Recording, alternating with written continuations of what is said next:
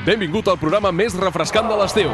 Si ets de costa o de muntanya, no et preocupis que nosaltres ho tenim tot. Vine a passar una bona estona cada matí de dilluns a divendres d'11 a 1. Mar i muntanya.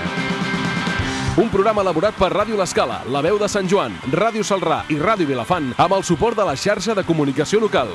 Benvingut al teu programa d'estiu.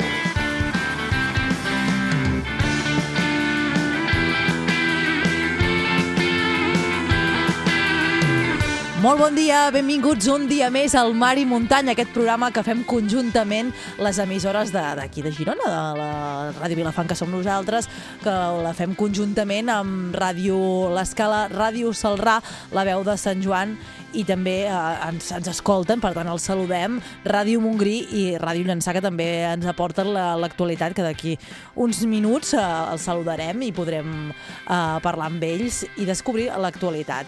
Eh, anem a començar a obrir motors, anem a saludar, com fem sempre, els que estem aquí a l'estudi, eh, el control tècnic, eh, eh, els botons d'aquesta nau espacial, podríem dir que és el Mar i Muntanya, en Víctor Grau, bon dia. Molt bon dia, Mercè. I també al, al meu costat, que ara, ara està també el control tècnic, en Josep López, bon Molt bon dia.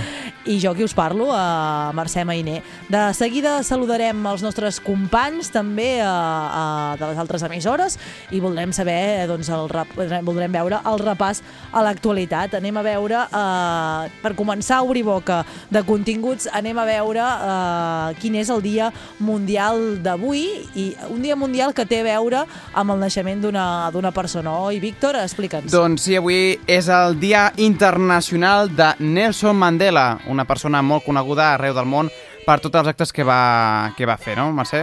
Jo crec que, que, Exacte. que no cal tampoc gaire presentació perquè Sí. pràcticament tothom coneix el nom Pels que, de no, Nelson Mandela. pels que no ho sàpiguen, Sí. va néixer, eh, precisament per això avui és el dia, va néixer un 18 de juliol del 1918, va ser polític, activista sud-africà i va lluitar per la, eh, contra l'apartheid. Va ser també president de, del seu país el- dels, del, any, de l'any 94 a l'any 99.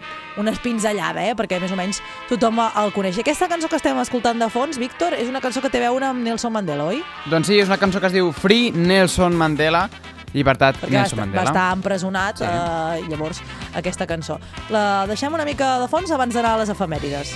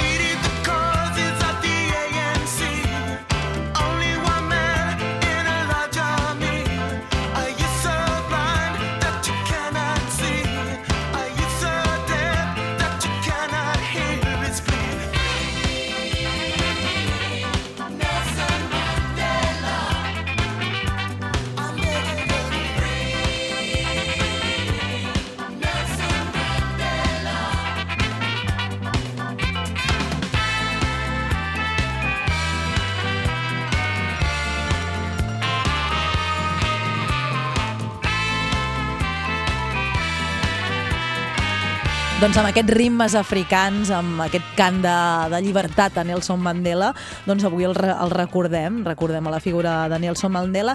I ara el que volem fer és anar a l'actualitat passada. Eh? A mi m'agrada dir-ho així.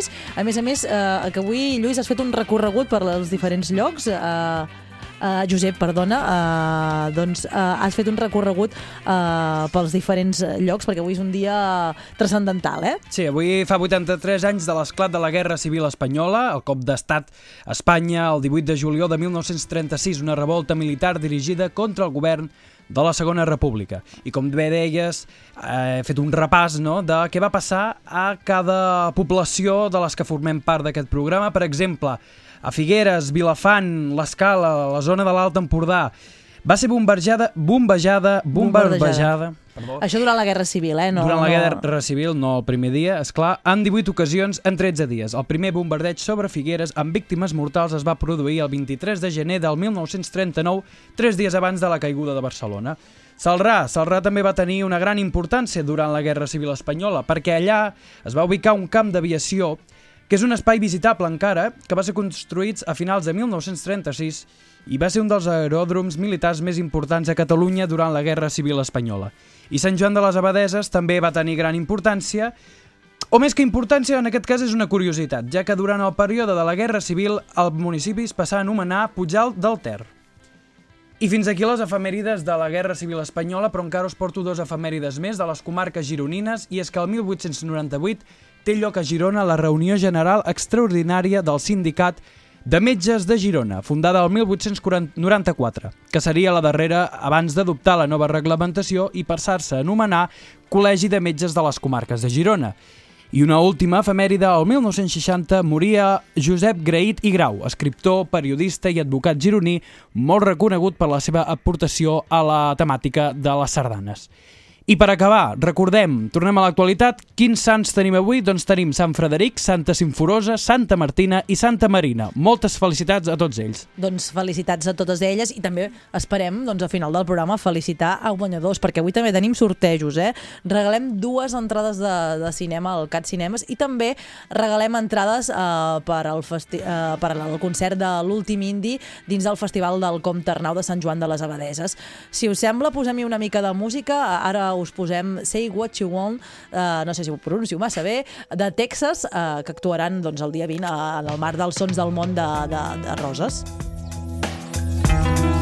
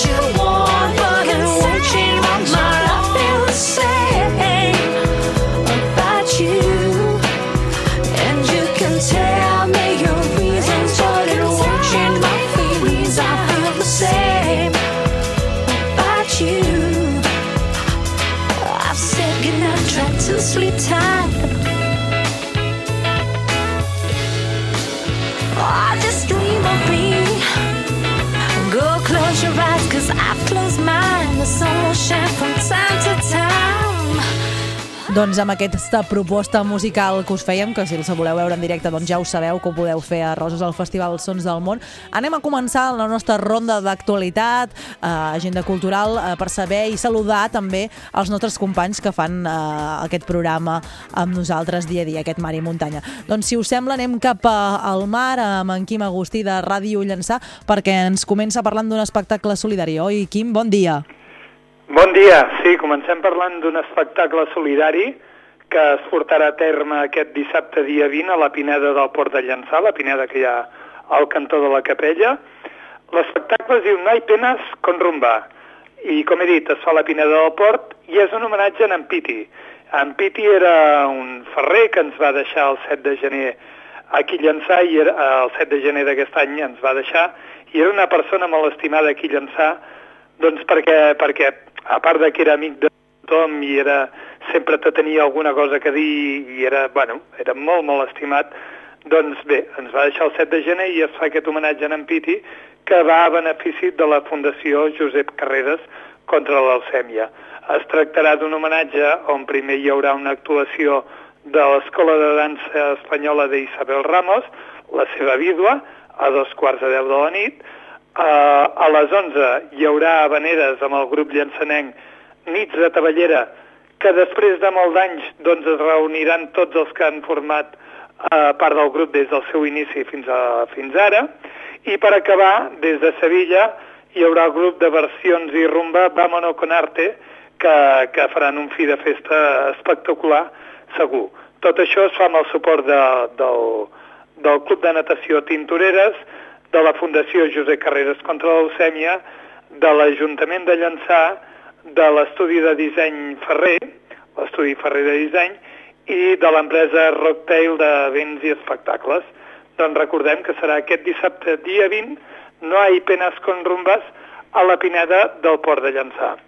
I abans de dissabte, per avui, per exemple, tenim una visita guiada en família, al Wine and Beach, que és una enorruta que es fa pel camí de ronda en diverses aturades i on es fan unes cates de vins. Això és a partir de les 7 de la tarda a l'oficina del Port de Turisme i és de, de 10 euros per persones. I avui també tenim sardanes a les 10 de la nit a la plaça Major de la organitzat per l'agrupació sardanista de Llançà, amb la Copla Bisbal Jove. Doncs, de moment, això és tot per avui. Doncs moltes gràcies, Quim Agustí, des de Ràdio Llançà per aquestes propostes. Les tenim ben apuntades a l'agenda. Ara el que volem fer és anar cap a la muntanya, anem cap a Sant Joan de les Abadeixes, anem amb els companys de la veu de Sant Joan, amb en Guillem Planagumà. Bon dia, què ens portes? Avui ens portes un tema eh, que té a veure amb els atemptats de, de Barcelona, oi? Molt i molt bon dia. Doncs sí, fa uns dies que se'n torna a parlar. Bé, de fet, aquí el Ripollès eh, sempre fa la sensació que no se n'ha deixat eh, de parlar mai. El tema doncs, dels atemptats a de Ripoll i la implicació de personatges doncs, d'aquí, de, ah, els atemptats de Barcelona, perdó, amb la implicació de personatges de Ripoll, d'aquí de la comarca del Ripollès, eh, ha sacsejat des de ja fa dos anys, ara dos estius, eh, el Ripollès. I com dèiem, aquests dies se n'està parlant molt als mitjans generalistes i nacionals, i per això nosaltres tampoc us ho hem explicat, perquè segurament ja n'aneu plens, però avui no podem deixar-nos eh, de fer-ne ressò d'un seguit de notícies que ha publicat el diari madrileny Público i que ha tingut un gran impacte doncs, també aquí al, al Ripollès. La notícia eh, és eh, força doncs, destacable i doncs, diu que, segons explica el periodista d'aquest mitjà, eh, com dèiem al Público, Carlos Enrique Bayo, el CNI, el Centre Nacional d'Intel·ligència, va fitxar a l'imam de Ripoll, Abdelbaki Essati, l'any 2014 a canvi de no ser deportat i el va ajudar a convertir-se eh, en l'imam eh, de la vila. Així doncs era el seu confident a canvi d'aquests eh, dos tractes. Segons diu el Público, el mes de març de l'any 2012, després de ser traslladat a Ceuta des de la presó de Castelló pel judici de la seva causa per narcotràfic, Sati va canviar eh, de cop la seva actitud eh, islamista radical Uh, i va mostrar un perfil baix davant del temor de ser expulsat uh, al Marroc. Uh, I el mes d'abril va començar a rebre visites doncs, de la Guàrdia Civil. Dos anys més tard va rebre la quarta visita per recaptar-lo, aquest cop uh, agents del servei uh, secret que havien estat vigilant la seva evolució ideològica uh, a dins de la presó. Tot i això, encara avui en dia el CNI això eh, ho nega. Com dèiem, eh, ho avançava eh, el, el Público. Eh, notícia interessant doncs, que ens sembla eh, destacable, no? de coses que es van sabent eh, dies i setmanes i mesos després de- d'aquests atemptats doncs, que d'alguna manera eh, des d'aquí el Ripollès però també des de tot el món, per dir-ho així, ens fan comprendre cada cop una mica més eh, el kit de la qüestió d'aquests eh, atemptats des de Sant Joan eh, de les Abadeses. Avui també estem pendents de Casals Ventilació, la companyia de ventilació d'aquí de Sant Joan de les Abadeses, que ha, doncs, ha participat en la construcció de l'hangar inflable eh, més gran del món. Un hangar és un, un port eh, doncs, eh, sobre el mar d'aquestes instal·lacions doncs, que poden ser petroleres, poden ser eh, aeroports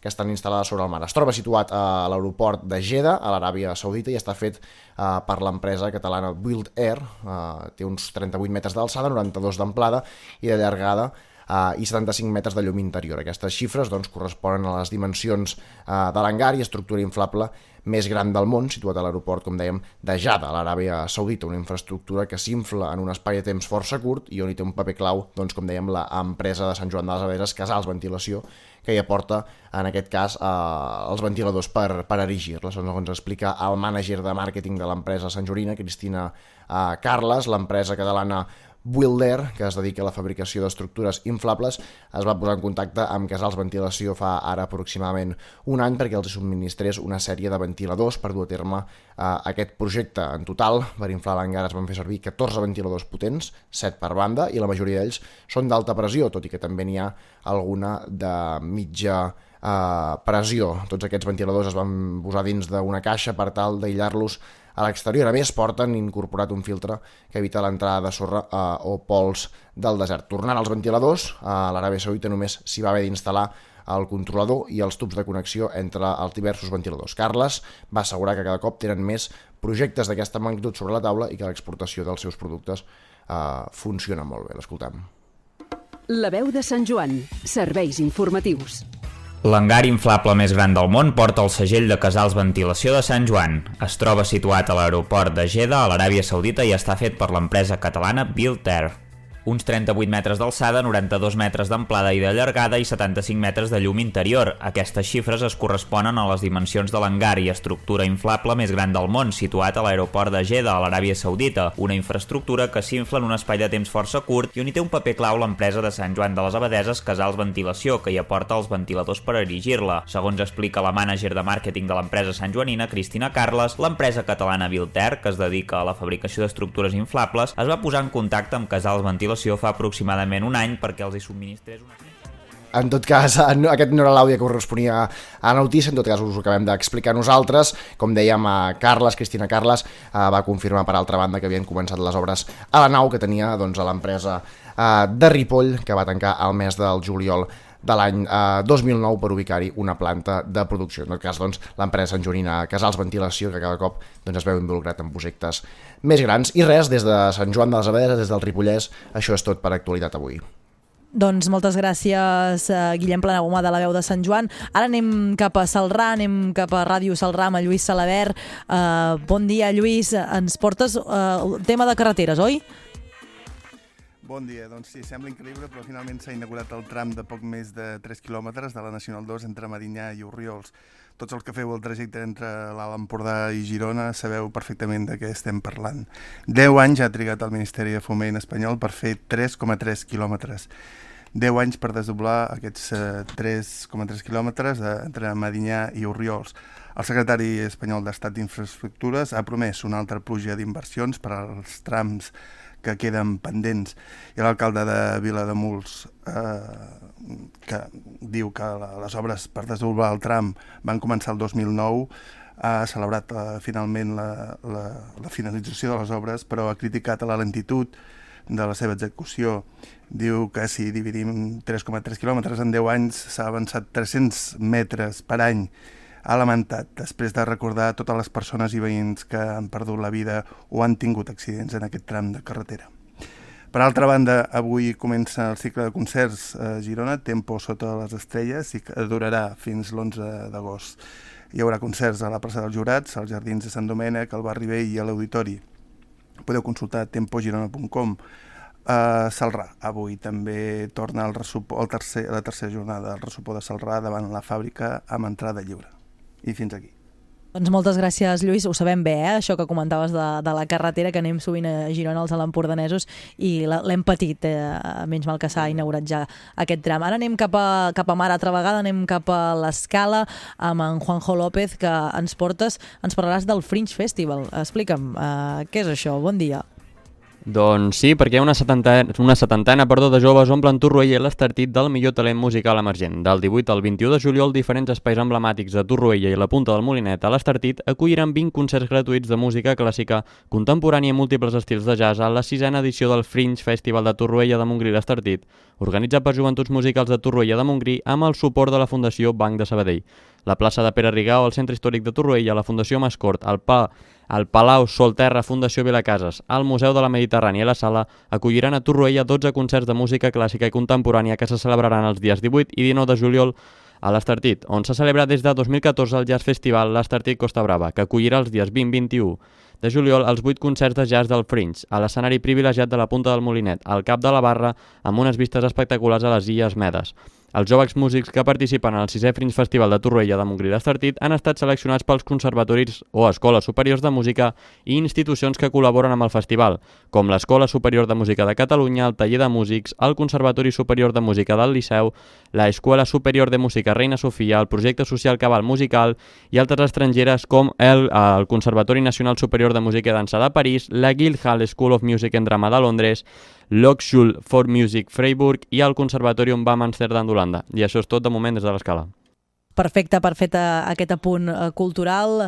Nosaltres des de Vilafant, des de Ràdio Vilafant, us explicarem que el govern de Figueres intensificarà la pressió contra l'incivisme a la ciutat i posarà ordre a la tramitació de sancions, ja que en el darrer any només es van executar un 12% d'aquestes sancions imposades. Uh, també en tema municipal, uh, però en aquest cas a Roses, Roses donarà uh, 140.600 euros per a nou entitats assistencials de Roses. Són entitats que treballen doncs, uh, amb, les, amb la població més vulnerable vulnerable, com per exemple eh, malalts de càncer, eh, persones discapacitades, doncs amb aquests, amb aquests diners es finançaran diversos projectes eh, per poder tirar endavant. Eh, també dir-vos que Castelló d'Empúries Humana ha recuperat eh, 8.329 quilos de textil, el que equival a 17.000 peces de roba, i també a Castelló dir-vos que aquest cap de setmana l'Esbar d'Ensaire de Castelló farà el Castelló Dansa, on hi actuaran esbars d'ensaires de, de Bagà, de Barcelona i també l'Esbar de Castelló. I un altre punt d'agenda, Portbou, aquest cap de setmana, el dia 20, hi haurà una trobada de batucades eh, amb, amb Tramuntacada com a grup anfitrió. La festa començarà a partir de dos quarts de, de set de la tarda i també hi haurà una cercavila nocturna, així doncs que ja ho sabeu, un apunt cultural. Nosaltres el que fem, havent acabat aquesta repassada d'actualitat, ens anem a fer uns consells publicitaris i ara tornem.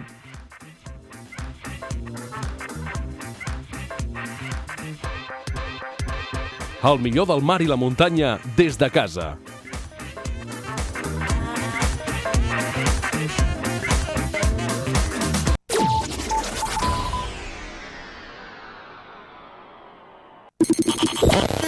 Muntanya. El programa més refrescant d'aquest estiu. Mar i muntanya en directe, 12 a 1 del matí. Un programa de Ràdio Escala, La Veu de Sant Joan, Ràdio Salrà i Ràdio Vilafant.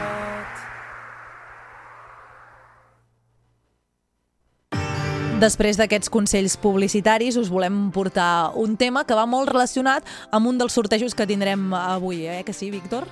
Doncs sí, Mercè, explica una mica, va. Doncs, Res, 5 cèntims, eh? Sí, 5 cèntims. Uh, des de Sant Joan de les Abadeses, des dels companys de, de la veu de Sant Joan, doncs ens, ens han aconseguit uh, entrades per, pel concert de l'últim indi que està dins del festival del Comte Arnau de Sant Joan les Abadeses. Així doncs que si voleu anar a aquest concert tindrem entrades, obrirem línies al final del programa i us posem aquest tema perquè aneu obrint boca, uh, us posem el, el tema La sorra del desert de l'últim indi perquè us vinguin ganes de venir en aquest festival.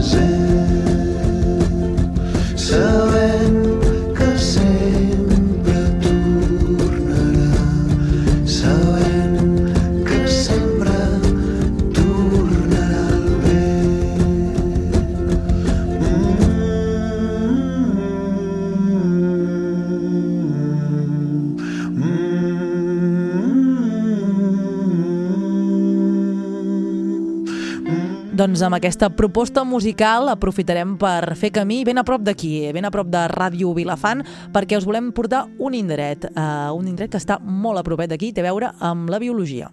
Descobreix el que t'envolta, els indrets del mar i la muntanya.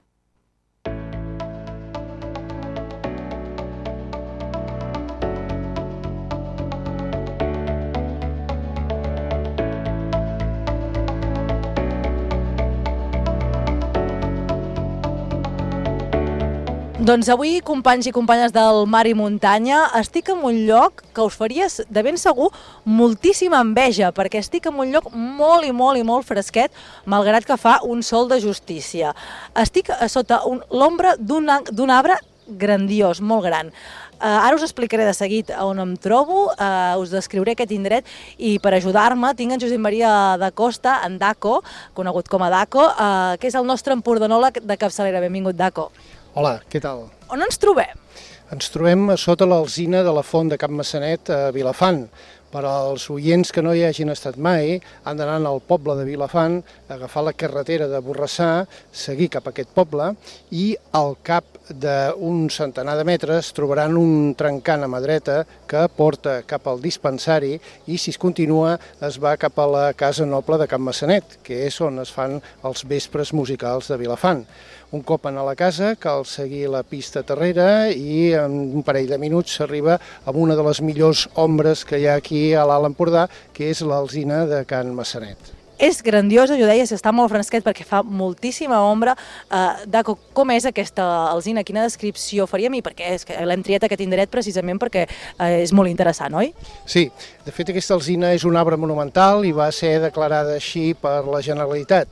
En concret és una alzina que fa 18 metres d'alçada, la seva capçada en fa 23, per tant és una alzina, per dir-ho així, apaisada, i el seu diàmetre és de 3,46 metres, perdó, el perímetre, de volta. Llavors és una alzina enorme i val la pena que recordem una paraula catalana que és alzi, alzinar, alzinar, conjunt d'alzines, però alzinar, alzinar-se és el verb que significa posar-se dret.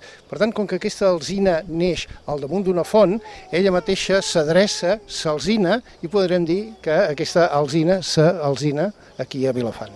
A més a més, hi ha com la font, no? la, la font de, que li dona aigua, que suposo que per això és tan gran, no? I, i és interessant a l'estiu per, per estar fresquet com estem ara mateix. oi? Sí, aquest és un lloc amb molta humitat. Aquí es havia explotat l'aigua, es havia exportat i conduït cap a Figueres, segons el llibre de Josep Maria Bernils, i també és una zona que tenim aquí uns horts i estem força a prop del Manol. Per tant, aquesta alzina ha pogut créixer ufanosa i és enorme. És una alzina centenària, l'edat no és del tot coneguda, però sí que té més d'un segle.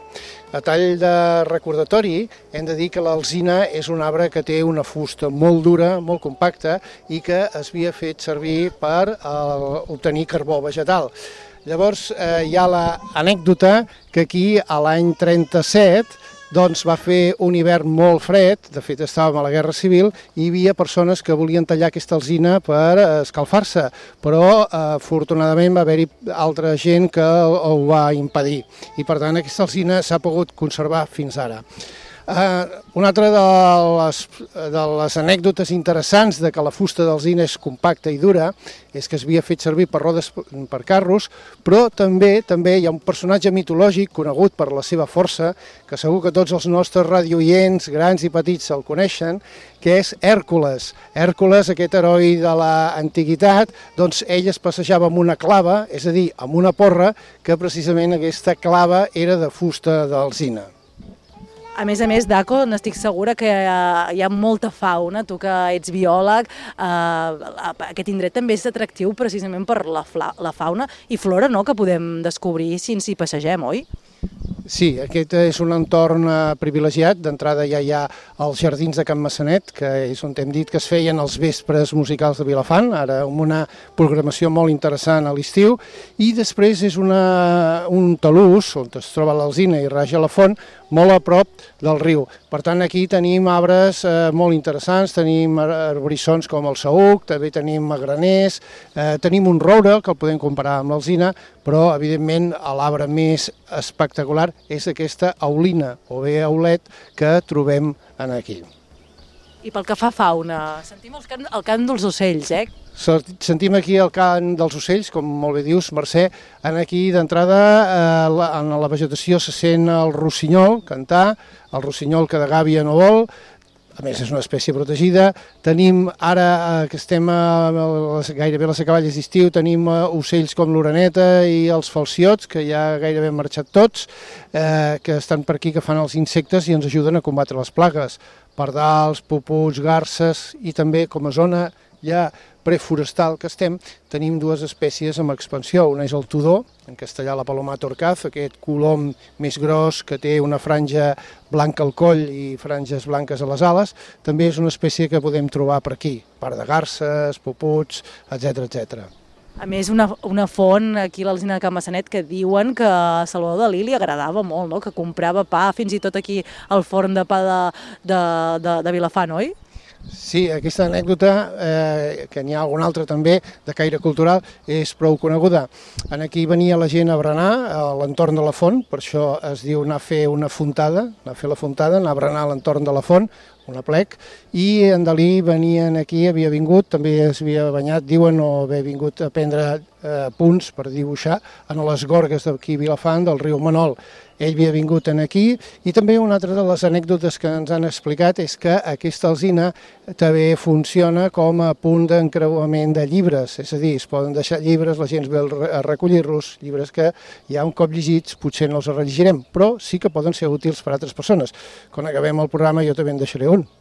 Doncs ja ho sabeu, si voleu agafar el llibre que deixi en Daco, eh, podeu venir fins aquí a l'Alzina. I també dir-te que és escenari cinematogràfic, eh, l'Alzina de Can Massanet, perquè hi ha eh, el Vilafantàstic Fest, que organitzen cada any des de joventut a eh, l'Ajuntament de Vilafant, i precisament a l'edició anterior, doncs, el lloc on gravar aquest curtmetratge que es demanava, doncs precisament era l'escenari de l'Alzina de Can Massanet, perquè realment aquest, eh, aquest caminet eh, ben cobert d'arbre eh, és bastant cinematogràfic, no? No creus, Daco? Sí, jo crec crec que és molt suggerent, fins i tot estem molt a prop d'Ordis, no m'estranyaria, aquí veig unes canyes, no ens estranyaria que ens sortís en un moment o altre el sabater d'Ordis aquí amb la seva canya per dirigir la tramuntana.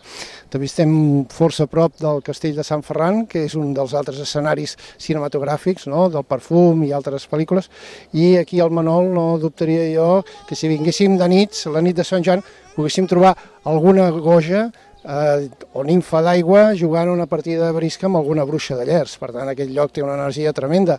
Jo crec que fins i tot aquest lloc pot ser molt interessant per les persones que volen captar l'energia dels arbres, aquesta disciplina japonesa, i aquí segur que poden venir a recarregar piles i agafar energia tant de l'arbre, energia forestal, com telúrica, energia del terra. Doncs moltes gràcies, Daco, per descobrir-nos aquest indret tan meravellós de- d'aquí de Vilafant, per descobrir-nos aquest petit racó. De res, a disposar i bon dia a tots els radioients.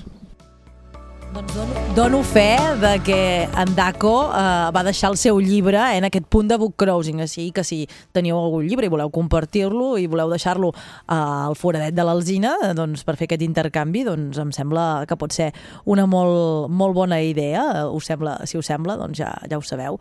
Uh, Víctor, hi posem més música? Uh, anem amb Boques Grasses, uh, In the Night, que és un tema que es canta bastant aquí als estudis de, de Ràdio Vilafant. Eh, Sí, que nosaltres som bastant doques gràcies perquè són aquests grups de, de per aquí que ens agrada molt Sí, que escoltar. actuaran també els Sons del Món, al Festival Sons del Món, que serà a Roses aquest cap de setmana. a més a més. O sigui, Sí, exacte. Tindrem, tindrem bastants bolos a, a prop nostre i, i em sembla que és un grup molt interessant que tenen propostes tan guais com aquesta, que es diu In the Night i que sona ara mateix al Mar i Muntanya en directe.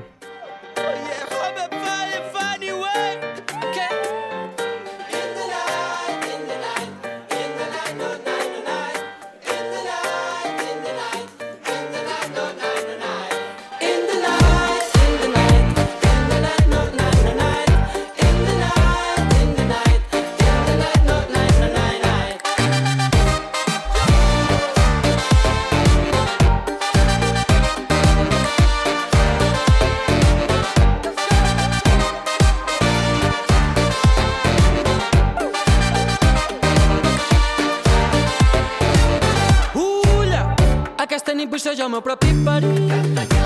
Que em peti la vida al pic. No cal pensar en el que serà demà de mi. Que si m'hi he de fer mal pensar-ho no em serveix. Cremo de desig, cremo de desig. S'evapora gris i no pregunto res. La teva pell em fa saltar pels marges.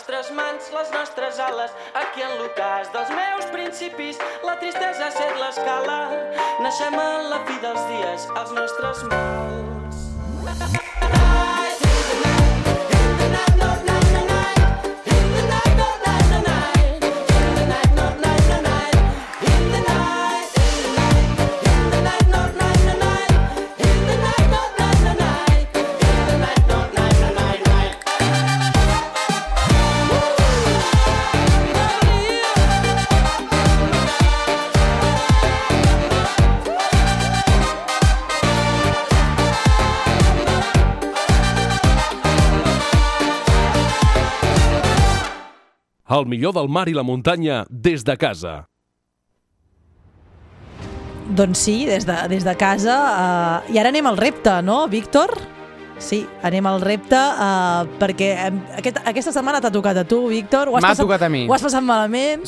Bueno, sí, no, al principi va ser com fa, ara què faig? Eh, No sé com ho faré, bueno, situem-nos una mica perquè Explica, el explica. repte d'aquesta setmana tractava en fer tres talls de veu de tres personalitats importants o tres persones conegudes que diguessin, doncs, per exemple, uh, hola, sóc tal i escolto el Mar i Muntanya, o alguna salutació, alguna menció a, al programa. I, companys, creieu que ho he aconseguit o no? Jo no sé, jo crec que sí. No sé, No ho dubtem, no ho dubtem. No, bueno, menys mal, menys mal perquè, perquè aneu ben encaminats, eh? He aconseguit tres talls de veu de tres persones diferents. Va, comencem amb la primera. Va, l'escoltem. Us anava a dir, si us sembla, mm, esbrineu qui és, aquí, però clar. aquí, creieu, aquí creieu que, que haurà fet en Víctor, uh, Juanjo, Lluís, uh, Guillem? Què creieu que haurà trobat?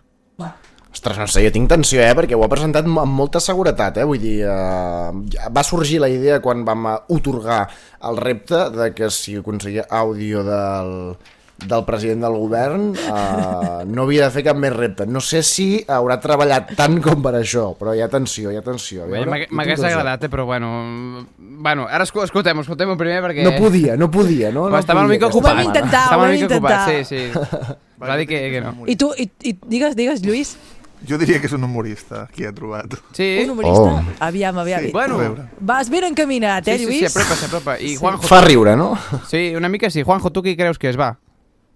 Jo he de confessar que m'ho va demanar a mi que li fes un tall de veu, però no podia, estava molt ocupat. Vinga, va, doncs, escoltem, escoltem el primer. Ei, què tal? Soc el Jair Domínguez i envio una salutació als oients del Mar i Muntanya. Eh? Vinga, passeu-vos-ho bé. Què us ha semblat aquest primer? Oh, molt bé, aquí hi havia filtracions, eh? Enxufisme. Molt bé, Molt nivell. humorista. Sí, sí, estem Molt bé, endollats, molt bé. estem endollats perquè en Jair eh, és, és de la casa pràcticament, eh? eh? Passa sovint pels estudis i a més a més és vilafantenc, Sí, eh? sí, Ho sí, hem de sí. dir, és vilafantenc, o sigui, quilòmetre zero, eh? És un tall de 10 quilòmetre Orgull, zero. orgull. Vinga, va, ara un que no és Vilafantenc, escolteu-lo, va. Hola, bones tardes, o nit, o bon dia. Soc en, no sóc en Jair Domínguez. Soc en Peyu. Uh, una salutació als oients de mar i muntanya, com les paelles. Què us sembla aquest? Ole, has tirat d'humoristes, eh? Molt Sí, sí, bé, ha tirat molt nivell, molt nivell, molt nivell. Sí, sí, molt bé, jo per crec que el Peyu, el, Peyu, el Peyu podria ser perfectament el president del govern, jo el votaria. Doncs mira, doncs mira ah, li, diguem que es, li diguem que es presenti, a veure, que, que de moment té un votant ja. Bueno, i si necessita gent per anar a la llista, ja ens hi assumem, Sí, no sí, hi ha també. problema. Veus, en Lluís Oh, anava ben encaminat, eh, Lluís? Uh, anava per l'humor. Sí, sí, sí, sí. Va. A, a més, què us ha semblat això que hagi dit de, de, de, del mar i muntanya de la paella, eh? Ha tirat de, de topicazo. Exacte, exacte. Però és veritat, de fet n'hem parlat poc, eh? Podríem també fer una, un souvenir musical, ai, musical, souvenir gastronòmic. d'aquests. Bueno, si vols posem i posem música, cap problema. Escoltem l'últim. Ens queda un, va, a veure, aquest... mm, Vinga, escolteu, escolteu. ¿Qué pasa, amigos? Soy José Luis Torrente. Un saludo para los amigos del Mar y Montaña. Aquest té truc, eh? Aquest té truc. Aquí, aquí ha Aquest- amagat, em sembla, eh? No, no, si no hi és, olé. A veure... Eh... Què, què, us? Jo no diré res. Eh? Què us sembla jo amb no aquest diré últim? res. Jo no diré res. Com, la, com el veieu? Santiago Segura era o no? Com vols què- que sigui Santiago? A veure, jo puedo tenir uns, uns contactes... Té una agenda gruixuda, Sí, sí, eh? la Mercè més, entre la seva i la meva sumem i tenim contactes de, de tothom. Què, què, què digueu que és, que és Santiago Segura o no? Jo crec que és un imitador, no? T'ho donarem per vàlid perquè, mira, ets tu i, i t'has esforçat.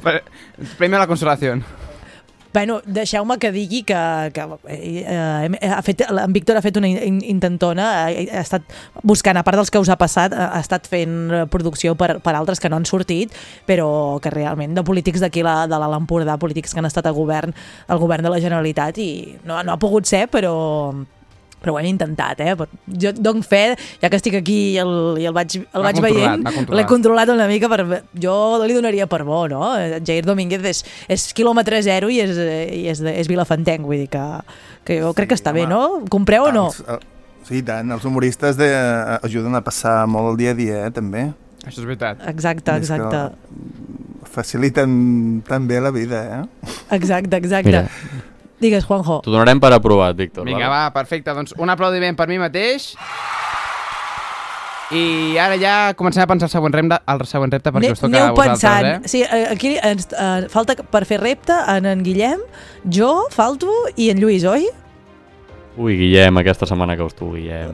Guillem, Ui, Lluís, piu, piu, Mercè. piu. Jo no estic espantada, perquè plantegeu el que em plantegeu, eh, ho intentarem, si més no, i, us portarem aquí l'intent, si fa falta. Eh, recordem que avui tenim sortejos, eh? ja ho hem dit abans, que tenim entrades per al concert de, de l'últim indi. Guillem, tu no pots participar, eh? T'ho dic perquè sé que t'agrada bastant eh, aquest grup, per tant, eh, no pots participar.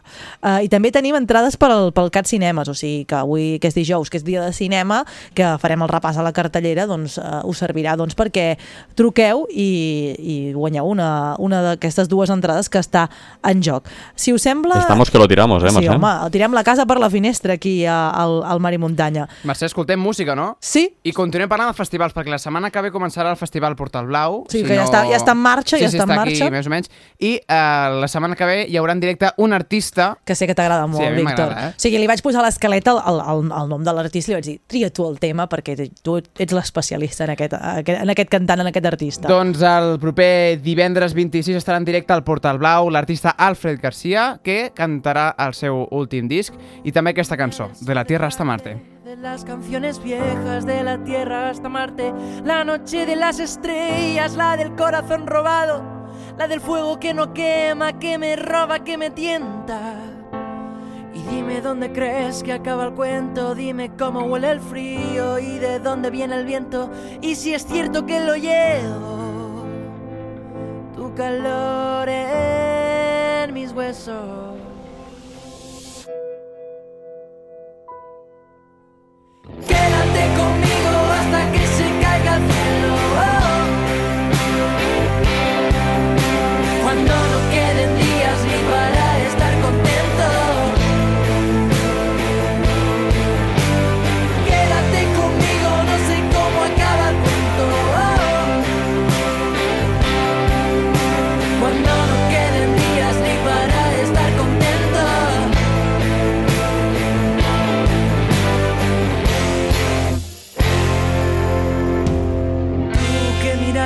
La ventana con los ojos de nostalgia en la oscura habitación y veo el bosque en tu cuerpo donde naces flor de lirio que te busco y no te encuentro, que te encuentro y no te entiendo.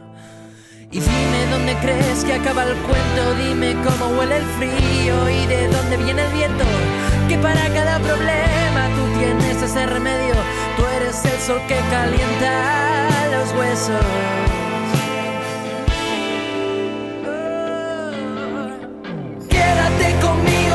Conmigo hasta que se caiga el cielo.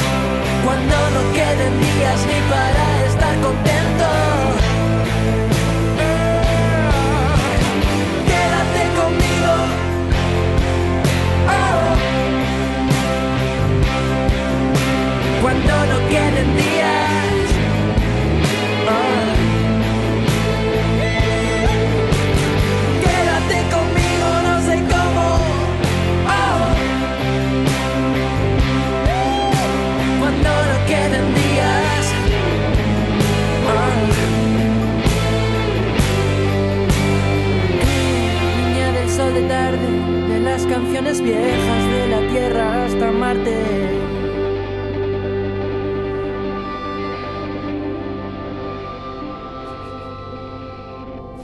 Remulla't amb el mar i muntanya de Ràdio L'Escala, La Veu de Sant Joan, Ràdio Salrà i Ràdio Vilafant. Doncs ens hem remullat amb aquest ritme musical, eh, amb l'Alfred Garcia, que estarà a l'escala, estarà al, al, al Portal Blau. Un, un d'aquests punts, eh, eh, des dels quals fem el programa de ràdio, perquè el fem des de Vilafant, des de l'escala, des de Salrà, des de Sant Joan les Abadesses, ens aporten també l'actualitat des de Llançà i ens escolten des de, des de Torroella de Montgrí, Ràdio Montgrí. I a més a més tot això no podria ser, no seria possible gràcies al suport de la xarxa de comunicació local que ens permet doncs això, no? poder parlar entre nosaltres com si estéssim aquí tots junts en una taula però estem separats per la distància no, no, no hi ha problema eh, per poder fer entrevistes i diferents temes eh, entre nosaltres. Recordem eh, que avui ho tirem la casa per la finestra, tenim entrades per al concert de l'últim indi eh, dins el Festival del Comte d'Arnau de Sant Joan les Abadesses. Quan haguem de fer el concurs eh, demanarem que en Guillem ens expliqui alguna coseta més. Eh, Ja us hem posat un tema de l'últim indi perquè aneu entrant eh, amb ganes de, de participar en aquest concurs que obrirem línies al final del programa, així que molt atents al Mar i Muntanya d'avui. També tenim entrades de cinema. Avui és dijous, es renova la cartellera, després la repassarem i podeu guanyar dues entrades. El primer que truqui se n'emporta una, el segon que truqui s'emporta una altra entrada. Quin regal millor, quina manera millor eh, hi ha que refrescar-se guanyant una entrada aquí al Mar i Muntanya. Nosaltres eh, ens queda un minutet escàs eh, per anar als consells publicitaris i us volem recordar que tenim ja a punt, ens comentava en Guillem des de, des de la veu de Sant Joan, eh, la nostra convidada que, que estarà als estudis de la veu, eh, que és Instagram i parlarem de cuina, de cuina, una cuina especial, cuina per, per celíacs, o sigui que serà molt interessant. Atents, prepareu, prepareu paper i boli eh, perquè parlarem amb aquesta Instagramer que ens porta eh, doncs aquestes les seves receptes de, de cuina apta per celíacs. Nosaltres el que volem fer ara és posar-hi uns quants consells publicitaris i de seguida tornarem eh, amb el Mar i Muntanya. Fins ara mateix!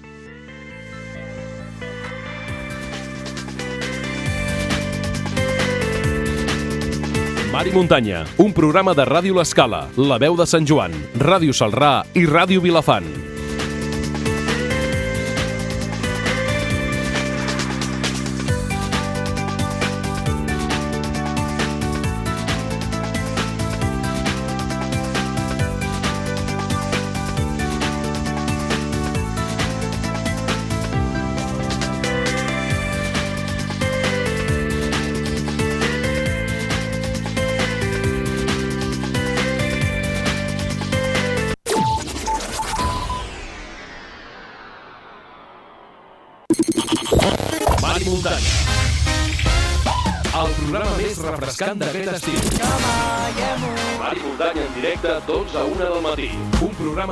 Programa de Ràdio Escala, La Veu de Sant Joan, Ràdio Salrà i Ràdio Vilafant.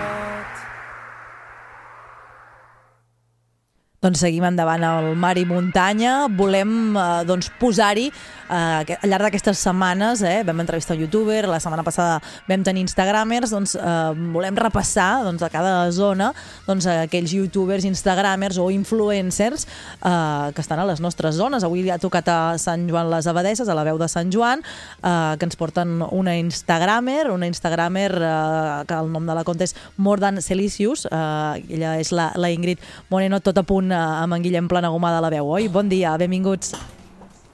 Bon dia, doncs efectivament, ja tenim l'Ingrid eh, aquí asseguda. Ara quan deies que és uh, influencer em feia una cara com... Mm, no sé si se sent del tot còmode amb aquesta catalogació, ara en parlem. Com deies, l'Ingrid uh, té 20 anys, ella estudia educació infantil i primària, uh, ella és celíaca, li agrada la cuina, entenc, i uh, doncs ara fa un temps va decidir obrir aquesta compte d'Instagram que es diu More Senselicious, com deies, i que ara de seguida en parlem. Bon dia, Ingrid, què tal? Bon dia, molt bé, i vosaltres? Molt bé, doncs uh, dèiem això, tu obres aquesta cuina primer de tot perquè ets celíaca i perquè t'agrada cuinar, no? Sí, bueno, de fet va ser una cosa així molt improvisada perquè jo penjava fotos al meu Instagram personal i va arribar un punt que vaig pensar estàs penjant més fotos de, de cuina que personals, no? I vaig decidir doncs obrir un altre compte que al primer moment pensava que no arribaria en lloc, però bé, en el primer dia vaig guanyar 1.000 seguidors, el següent 2.000 i el tercer 3.000, i res, vaig pensar, bueno, doncs haurem de continuar, haurem de fer-hi alguna cosa, i mira, fins aquí. Ara a Instagram ja acumules més de 16.000 uh, seguidors, ara parlam que clar, que ja et comencen a seguir doncs, uh, gent uh, no només de Catalunya, sinó d'Espanya i també de, de fora, no? molta gent de Buenos Aires, em comentaves, molta gent argentina, uh -huh. uh, de, Lati de Llatinoamèrica. Uh, suposo que una mica el reclam no, principal és que comptes com aquestes uh, no n'hi deuen haver gaires, no? perquè comptes de cuina, uh, tantes com vulguis, però de cuina per celíacs, de receptes per celíacs, igual no tantes, no? No, no, clar, és que és això, o sigui, som, vulguem o no, som un col·lectiu petit, que ara últimament sí que s'està engrandint cada vegada més, però bé, no hi ha molta gent i, i de fet jo, jo penso que en certa manera també he crescut per això, doncs, perquè som pocs i entre tots doncs, al cap i a la fi fem pinya. Ingrid, jo et volia preguntar si creus que els celíacs ho, ho tenen fàcil o no. Vull dir, uh, hi ha molta gent que et segueix, suposo que buscant uh, ajuda no? o, o idees. Creus que ho teniu fàcil o no, els celíacs? Jo penso que no, o sigui, sí que és cert que cada vegada més, perquè, bé, jo recordo, quan, jo soc celíaca des de naixement i jo recordo quan era petita que havia d'anar a buscar el pa a Figueres, vull dir, no tenia recursos a prop de casa. I ara sí que és cert que a tots els supermercats, vulguis o no, doncs trobes alguna cosa o altra.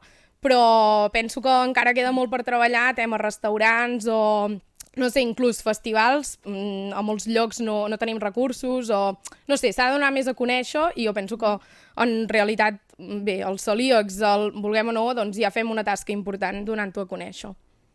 Una mica també eh, no, que fa aquesta falta de, de pedagogia una mica, no, de, de que eh, igual el celíac, el menjar per celíac és més barat que altres eh, menjars amb d'altres intoleràncies, no, cada cop, com deies, eh, es van normalitzant més, no, però, però falta això, no, que, que vegi que de celíacs n'hi ha i, entre altres, doncs, també ajudar en projectes com, com el teu.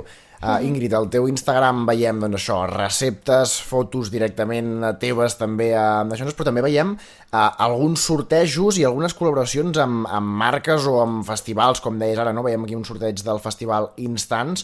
Suposo que per això mateix que dèiem, que perquè doncs, comptes com aquesta n'hi deuen haver poques, eh, les marques et comencen a, a, a cridar. No sé si això comença a rentabilitzar d'alguna manera.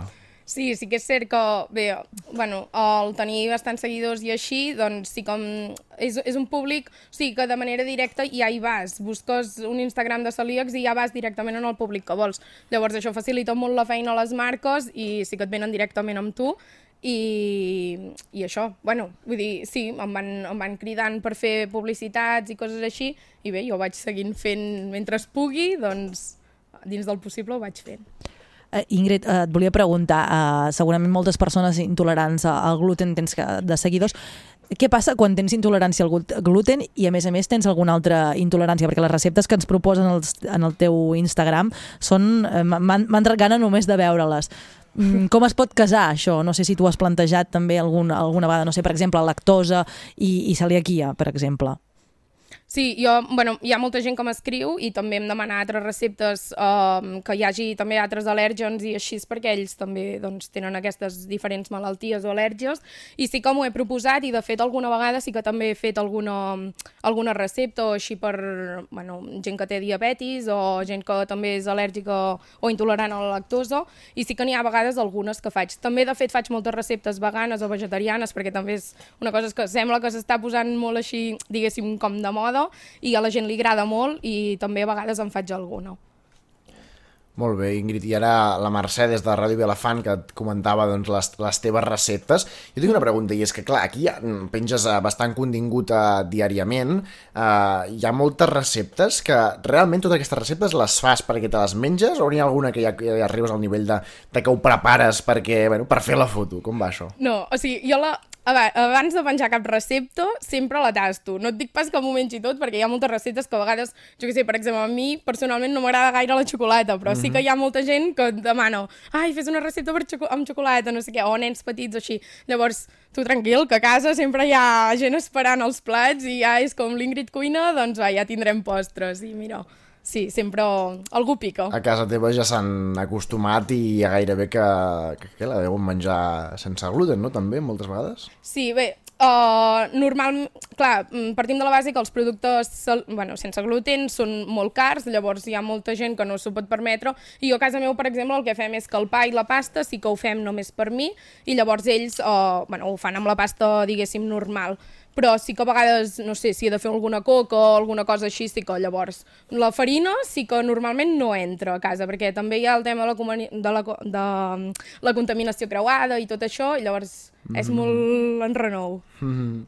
Ingrid, uh, veiem ara que, que, que això, doncs que el teu Instagram, mm, gairebé si tu hi arribes no? i no saps que, de què va, uh, no llegeixes la descripció, no llegeixes el títol, poden semblar receptes doncs, que podria, podria seguir qualsevol persona. No sé si molta gent et, et segueix, uh, més conscient o menys conscient de que és cuina per celíacs, i no sé, i prova de fer les receptes. Sí, sí, hi ha, hi ha molta gent que de fet Sí, eh? no és celíaca i em segueix, o amigues meves, o jo que sé, coneguts o així. Vull dir que al cap i a la fi jo cuino sense gluten, però el glut, o sigui, menjar sense gluten sí que en pot menjar tothom, a no sé que tinguis algun altre problema ja, diguéssim.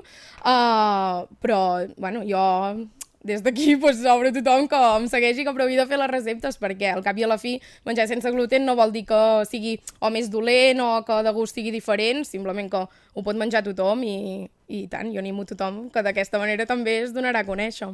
En Guillem et presentava, Ingrid, eh, que estàs estu estudiant eh, educació, eh, si, si, Mhm. si, no, si no ho he escoltat malament, eh, però dista molt de, del tema culinari. No sé si ho compagines o, o, et, o et planteges un futur eh, de cares a, a, més a la cuina o, o vols seguir compaginant amb, amb el tema de, de ser mestre o amb l'educació? Uh, bé, bueno, jo de moment el, la meva fase primordial, diguéssim, és acabar els estudis i, i de moment centrar-me en el que és l'educació, però sí que també és cert que la celiaquia m'acompanya, vulgui o no, i ara que he començat Mordant Celicius, doncs també és una cosa que segueixo amb mi, i sí que ho vaig compaginant en els temps lliures o quan puc, al cap i a la fi menjar, en mengem cada dia, sigui per dinar o per sopar, el que passa és que és més complicat haver de fer les fotografies i tota la pesca, i després quan, bueno, és això, en els moments lliures, doncs sí que ho intento fer, i en un futur, doncs, no sé, Déu dirà, però no sé, mm, ho intentaria compaginar tot, però ara ja et dic, de moment el que és primordial és acabar la carrera i, i després, bé, es veurà, no sé.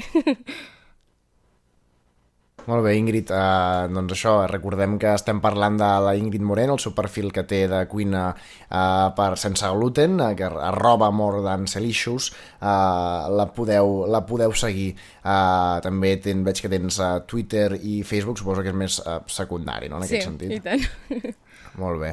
Uh, veig que fa servir també molt, uh, molt les històries. Ara tenies aquí penjada una, uh, una espècie d'enquesta que vas fer sobre uh, pizzas uh, envasades. Les pizzas, de fet, envasades és una mica del, dels grans uh, temes no? de, del menjar uh, sense, sense gluten, uh, no tan sols les, les de restaurant, sinó també això, les, les envasades, perquè uh, això també ha, ha costat, no? Jo tinc un amic, rec- recordo, que és, que és celíac també, i a vegades és el, va, fem, fem un sopar ràpid allò dijous, un dia així tonto, i, i costava, no? També veig que, però, a Casa Tarradellas és una de les, de les primeres que va començar a fer, no?, sense gluten. Uh, bé, sense gluten no, perquè o sigui, ells van començar, recordo que va ser l'any passat, que ja vaig fer una col·laboració amb ells, i sí que havien fet bueno, moltes pizzas normals, ja són molt conegudes i així, i de fet ells col·laboren amb Mercadona, i Mercadona crec que va ser una...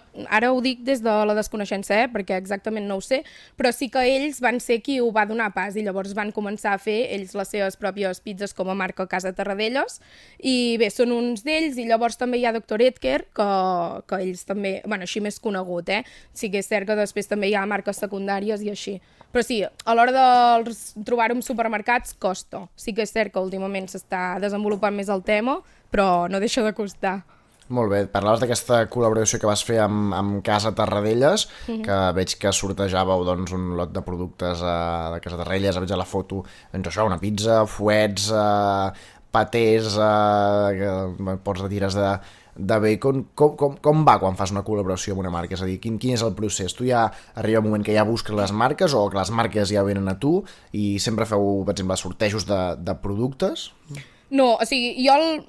Clar, la, la cosa de no tenir temps és que ells normalment em contacten a mi. Jo no busco normalment com, bueno, mm, fer sortejos ni col·laborar amb ells, bàsicament per això, eh? perquè no tinc temps i llavors és anar buscant marques i és anar-te, vulguis o no, emmerdant més fins al fons perquè no, no, no acabes tenint temps. Llavors el que fan les marques és, quan veuen viable fer alguna mena de publicitat en el meu perfil, doncs és contactar-me i ells normalment jo els deixo escollir... Bueno, jo sóc també molt obert, llavors els deixo escollir molt el que, el que prefereixen. Per exemple, a Casa Tarradellas volia fer un sorteig, doncs vam fer sorteig, però no sé, a vegades ells m'envien els productes, jo els hi faig la publicitat, no sé, va una mica en funció de descomptes, moltes vegades. No, va en funció bastant de l'empresa. Jo aquí no ni pinxo ni corto, diguéssim. Abans Molt bé, veig que... Uh, digue, perdona, Sí, Mercè, no, veig, que- és que per, veia... No Digues, passa digues. res, no, que eh, abans Guillem comentaves que té eh, l'Instagram, que és la font principal, podríem dir, eh, que també tenia Twitter. No sé el YouTube, eh, si el té gaire explotat, per veure algun vídeo d'alguna recepta, que això, per persones que algun cop, jo que m'ha passat que he hagut de preparar un pastís sense gluten i, i va ser un desastre absolut i el vaig haver de repetir, el vaig haver de fer dues vegades, hagués agraït no, un vídeo, no? Potser no sé si, si ho té explorat, això, l'Ingrid. En ment no tinc, el que passa és que és això, com que l'estudiar i, bueno, jo sempre estic amb mil entitats i mil coses, tampoc tinc gaire temps, uh, fer un vídeo de YouTube comporta molt temps, ja fer una recepta d'Instagram és una mitjana de 4 hores, entre que vas a comprar els ingredients, fas la recepta, bueno, la penses, de fet, uh, fas les fotografies, redactes la recepta i al final, doncs, l'acabes pujant, ja és molt temps uh, a dins de cada cosa, i llavors imagina't un vídeo de YouTube que, bueno, és quasi el mateix, però a més a més munta tot el vídeo que porta una feinada de Déu. Però, no, o sigui, ho tinc en ment, però quan tingui més temps sí que m'ho he plantejat, però ho veig complicat a hores d'ara per, per això, tema feina i estudis.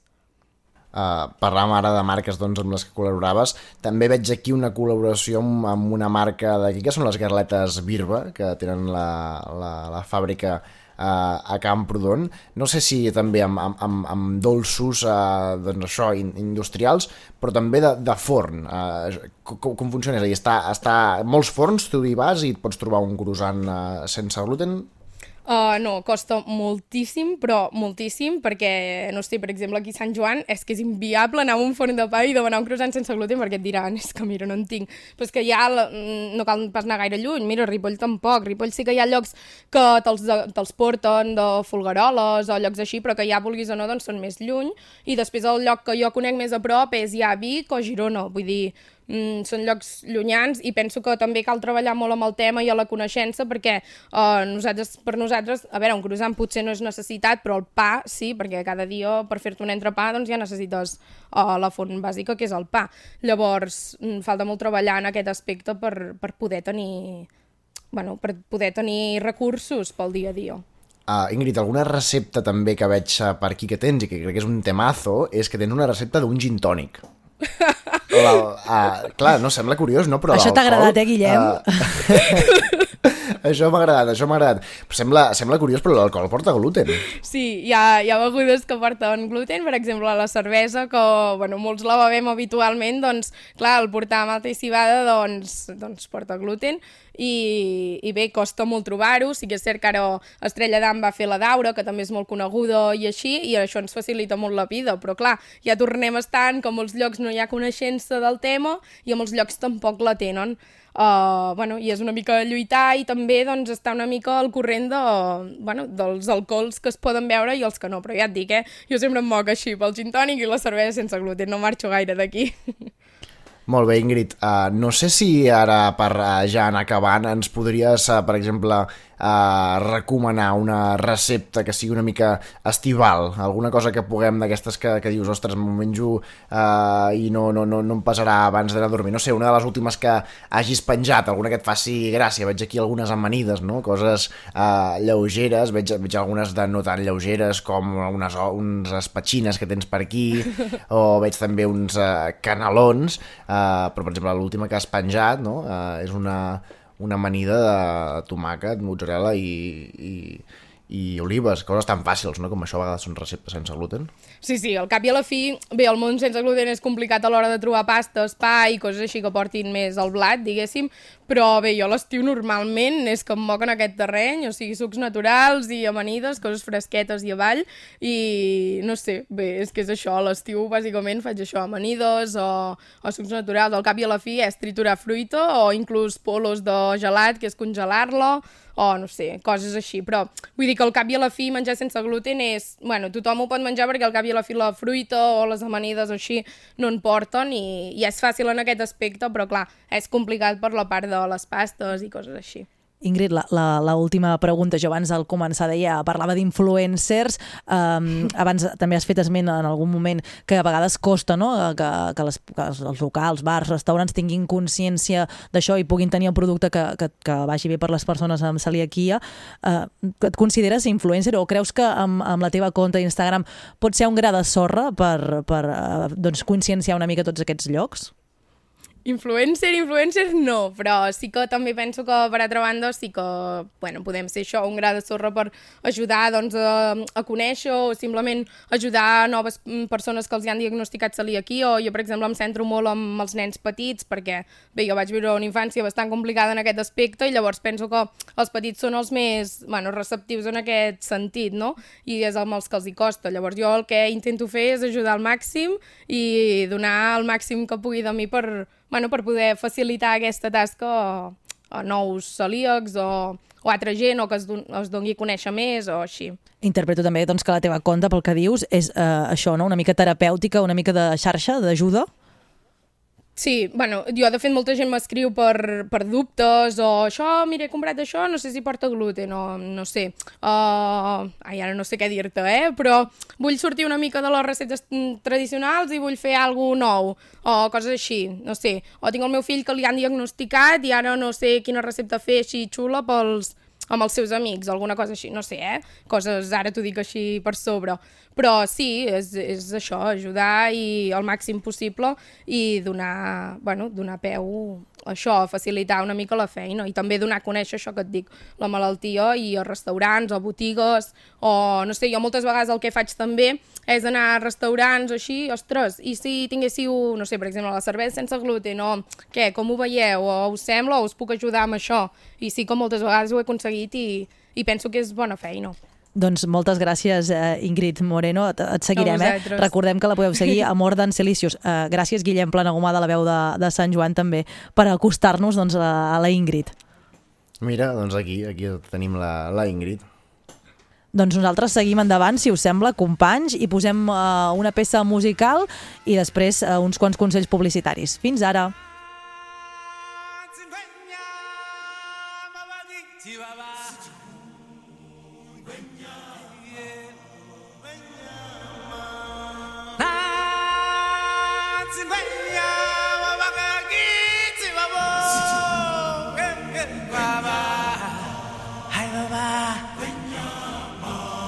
the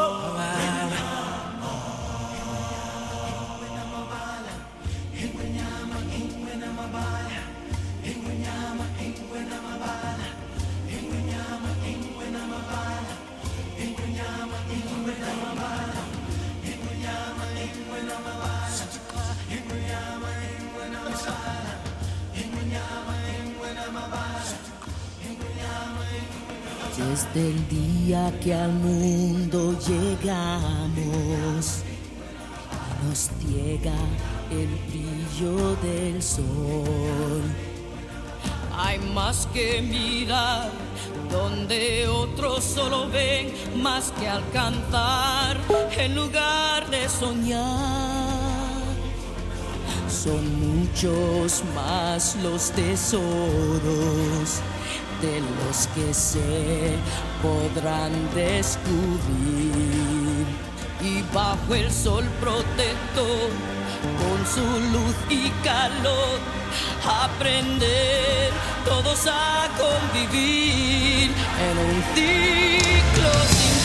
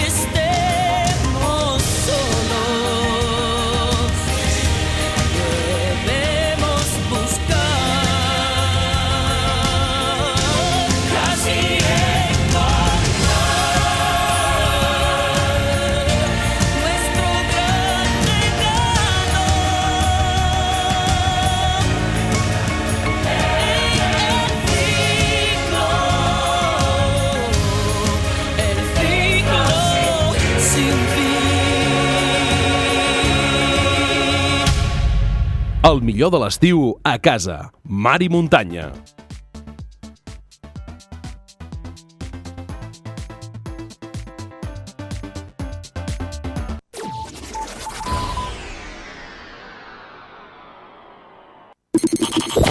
Mar i muntanya.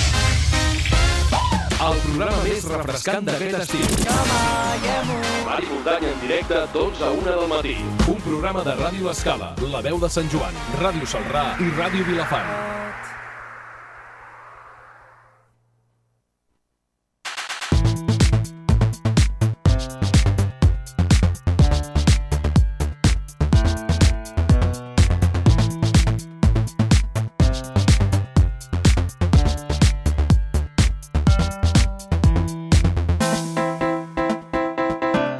Crispetes i acció, el millor cinema i les millors sèries. Crispetes i acció, perquè avui és dijous i és el moment, de, el moment en, què, en el que es renova la cartellera i per tant hem, estem pendents de, de, noves, de noves pel·lícules a, als cinemes i també estarem pendents de- d'estrenes de, en diferents plataformes. Uh, és el moment de l'oci uh, per, per excel·lència. Uh, Víctor ja ho avançava, eh? amb, aquesta, amb aquest últim tema que hem tirat abans de la publicitat, amb aquesta cançó del Rei León, uh, doncs ha avançat ja que anàvem cap a, cap a cinema. No sé si els companys són gaire de, del Rei León o, o els hi ha marcat massa el Rei León. Um, A mi sí. no, no sé si... A tu, a tu sí, Juanjo? T'ha marcat el Ah, Rei León? A mi m'ha marcat molt i, de fet, avui surt la pel·lícula. Per tant, jo aquest cap de setmana... A qui anava, a qui a anava, Juanjo, a qui anava? No sé. En, en, Guillem, en Guillem, en Guillem és, és, li, li, va, li va marcar el Rei León o no? No, no, en Guillem deu estar uh, encara acomiadant a la, a la convidada anterior. No sé, tu, Lluís, uh, Salabert des de Ràdio Salrà, uh, et va marcar tu el A Rei. León? Et passa un Josep Mir. Hola, bon dia. Et va marcar tu, Josep Mir, Bon el, dia, el Rei bon dia. León o A no? El Rei León, a mi el Rei León m'ha agafar una mica gran, també de dir, eh, ja. sí, tu em va agafar gran, a també. Però no, el Rei León, evidentment, és un fenomen i, i és uh, el musical que hi ha a Madrid, per exemple, porta la tira d'anys, i és, la gent va a Madrid expressament només per veure el Rei León i, i s'ha convertit en un fenomen mundial uh, i, i, evidentment, la pel·lícula aquesta, abans que s'estreni, ja se sap que batrà tots els rècords del món, o sigui que endavant amb el Rei León, ni que sigui només per la banda sonora, saps? Sí, sí, i tant, i tant. Per això ens agradava tant la banda sonora que hem, hem tirat aquest eh, tema, el, el, el ciclo de la vida, eh, el, el cigüenya, eh, que tot, tothom el sap tararejar. Si us sembla, us faig un, un breu repàs molt, molt ràpid del que, del que podeu veure aquí a la zona de Figueres, al CAT Cinemes, el Rei León, eh, per descomptat, no fa falta que us expliqui de què va, perquè ja to, to, tots ho sabeu. Eh, a, a més a més, estarà molt bé veure aquests animals fets amb, amb, per ordinador, no? Aquest, eh, aquesta pel·lícula del Rei León live, eh, que podríem dir, amb, amb animals de veritat eh, fets per ordinador. També tenim Anabel, una pel·lícula de, de terror eh, que estan decidits a evitar eh, que Anabel eh, causi estralls i així que porten aquesta nina posseïda, eh? típica pel·lícula de terror amb nino posseït. No sé si sou gaire de terror, jo no, perquè després tinc malsons. Jo igual, Mercè, jo el terror, a Víctor res. tampoc li agrada el terror. Bé, no passa A mi m'agrada res. molt el cinema de terror. Sí?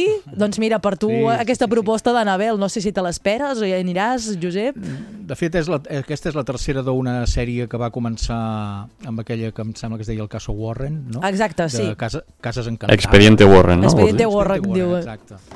I aquesta és la tercera entrega, ja no sé com, si la fórmula donarà per tant, però bé, un- una certa curiositat sí que tinc. També tenim eh, el cuento de les comadrejas, eh, que explica la història d'una vella estrella de l'època daurada del cinema, no? un actor que ja està al final de la, de la seva vida, també un escriptor cinematogràfic frustrat i un vell director que fan eh, impossible que, per conservar el món tal com el coneixem. No? Aquesta nostàlgia, el, el, quan et fas gran, no? que no vols que res eh, canvi en, aquest, en aquesta pel·lícula del cuento de les comadrejas, i també una producció catalana que també arriba als Cats Cinemes, eh, La vida sense Sara Amat, eh, un, podríem dir una història adolescent, un jove, en Pep, de 13 anys, que està completament enamorat d'una noia del poble dels seus avis, la, la Sara Amat, aquesta típica història d'amor d'estiu, no? que, que, que entra molt bé eh, doncs, en aquesta època. No, no sé si, si, si tu t'apassiona o hi aniràs a, a, a veure aquesta pel·lícula, Josep. Doncs no, no ho sé, però sí que trobo que està bé que s'estrenin produccions fetes aquí amb una mica d'ambició d'aprofitar ara que ve l'estiu i que aquestes històries així més mm, fresques o amb personatges joves poden tenir el seu èxit però, i que a la vegada estiguin fetes amb una certa dignitat i per al que he vist aquesta pel·lícula la, la tindrà. Per tant, sí que eh, crec que és una de les propostes interessants d'aquesta setmana. Doncs, eh, fet aquest repàs a la cartellera Figueres. Anem, Mercè. anem amb el crític de, de, de l'escala, digue'm, Juanjo. Un moment, abans, abans de tirar amb el nostre crític, eh, deixa'm fer un incís, Digue'm. perquè no sé si, si sou conscients de que aquesta pel·lícula, La vida sense la Sara Mat, eh, la productora és la xarxa. Ah, doncs no, no ho sabia, no, no havia mirat la fitxa. Ostres, doncs eh, els companys de la xarxa que han col·laborat amb aquesta producció eh, doncs, catalana, doncs està molt bé. Des, de- des d'aquí els, els, els hi agraïm eh, que s'impliquin per la producció a casa nostra, que, que és, és, Exacte. és important. Doncs gràcies per fer-nos aquest apunt, Juanjo. Eh, el teu crític, eh, què ens porta avui? Pues per això estem. Doncs tenim una setmana més amb nosaltres a, a Sergio Nieto, o com diuen, a, bueno, amb el AKA, no? com diuen a, els famosos avui dia, el último crítico, que ens ha portat doncs, una mica a la cartellera de la setmana i també ens han parlat de l'estrena del documental barra pel·lícula sobre en Diego Armando Maradona, aquest personatge tan famós idíl·lic per alguns i criticat per uns altres. Anem a veure què en pensa. Hola, soy Sergio Nieto, también conocido como el último crítico, y estamos otra semana más para comentar los estrenos más destacados de la cartelera y una pequeña crítica sobre una película que se haya estrenado recientemente. En primer lugar, hablaremos del estreno grande de esta semana, que es El Rey León, y no me refiero a la película de animación, sino a la nueva versión Disney realizada por CGI, donde esa será la única novedad, ya que tiene una pinta de copia y pega de la anterior versión que a mí personalmente no me llama nada la atención. En segundo lugar, tenemos una película para los amantes del terror titulada Bosque Maldito, de producción irlandesa, y que cuenta la historia de un niño que desaparece una noche en, el bosque, de su casa rural, y al volver su madre descubrirá que el niño tiene por himno Yo soy rebelde porque el mundo hecho así, y levantará las sospechas de que posiblemente su hijo no fue el que volvió aquella noche del bosque. Y en tercer lugar tenemos la película Utoya 22 de julio, de producción noruega, y que trata del fatídico 22 de julio del 2011, donde Anders Breivik realizó un tiroteo en esa isla con la simple intención de cuanta más víctimas mejor. Todo está narrado por una protagonista llamada Kaya y donde la originalidad está en que los 93 minutos de duración están contados en tiempo real. Sin duda para mí el estreno más interesante de esta semana. La crítica de esta semana y para decepción de muchos no será sobre la muñeca repollo de Anabel vuelva a casa, sino que esta semana hablaré sobre la película documental Diego Maradona. El director Asif Kapadia completa su trilogía de documentales centrados en personajes desafortunados. Primero fue Ayrton Senna y después Amy Winehouse, para hablarnos de Diego Armando Maradona, uno de los mejores futbolistas de la historia, que logró el éxito, pero pagando un precio enorme. Creo que es vital que diga desde el principio que esta es una película fantástica, incluso si no eres fanático del fútbol, ya que con las películas de Asif Kapadia se trata más del personaje central. Sí que hay una cantidad decente de imágenes sobre fútbol a lo largo de la película, pero se utiliza para ilustrar lo que impulsó a Maradona y lo que lo hizo triunfar. Admito que soy un poco joven para haber visto alguna vez imágenes en vivo de Diego Maradona en su apogeo. Para mí, él era el jugador hinchado de la Copa del Mundo del 94 o el hombre que hizo trampas en su camino hacia la victoria de la Copa del Mundo del año 1986. Solo después de ver el documental pude apreciar realmente lo genio que era. A lo largo de la película se hace evidente que esta es una lección muy definida, ya que representa la dualidad del hombre mismo. Por un lado tenemos a Diego, el chico tímido de una pequeña ciudad que solo quiere jugar a fútbol, que se siente incómodo con la adulación que se derramó sobre él. Luego está Maradona, el presumido fanfarrón creado para ser su personaje público. Una persona más grande que la vida que sucumbió a la bebida, la droga y las mujeres. Es realmente fascinante verlo, contado a través de entrevistas con el hombre mismo, Maradona, y con quienes lo conocen, y en ocasiones es completamente desgarrador las declaraciones que hacen sobre este jugador. Tan impresionante como ver a Maradona jugando en el campo de fútbol, su vida personal fue igualmente impresionante mientras caía lentamente a una vida de abuso de sustancias. A lo largo de su estadia en Italia, se fue acercando lentamente a la Camorra, una familia del crimen local, mientras los buitres daban vueltas para reclamar al salvador del fútbol en la ciudad de Nápoles. En definitiva resumiendo, Diego Maradona es un retrato fascinante de la subida e inevitable caída de un genio, que es mucho más que un documental de fútbol. La película es una visión convincente que explora el precio real de la grandeza y la adulación sobre una persona que consigue el éxito máximo, y que recomiendo que todos los oyentes vayan a verla. Bueno, pues esto ha sido todo por esta semana y como siempre avisaros de que estoy en Twitter con arroba el último crítico y siempre podéis visitar mi blog www.elultimocritico.com donde podéis disfrutar de críticas como Serenity o la nueva de Critters, Critters Attack. Hasta la semana que viene con más cine. Doncs sí, més cine, setmana a setmana irem fent aquesta repassada. Uh, des de Ràdio Salrà, uh, Josep Mir, en, ens, ens parlaves de, de sèries, eh? Em Parlàvem que ens recomanaries alguna sèrie, explica'ns. Sí, sí, sí, sí. A veure, uh, m'agradaria parlar sobre dues sèries molt diferents. Perdoneu. La, mm, aquest dilluns passat a TV3 va emetre el penúltim capítol d'una sèrie que ha, ha tingut molt d'èxit entre el públic adolescent, la, la sèrie Les de l'hoquei, sobre aquest equip femení d'hoquei que intenta eh, guanyar per pujar de categoria i així que no es carreguin la secció femenina del club. I, i bé, mm, eh, no he seguit tota la sèrie però sí que em feia gràcia veure l'evolució que estava tenint la història perquè la, eh, em provoca un, un sentiment una mica ambivalent no? D'una- banda eh, m'agrada molt la manera, la- l'atreviment amb què tracta els temes propis de l'adolescència a partir de les vivències de les protagonistes, no només amb l'esport sinó també amb les famílies, el sexe, les parelles, etc.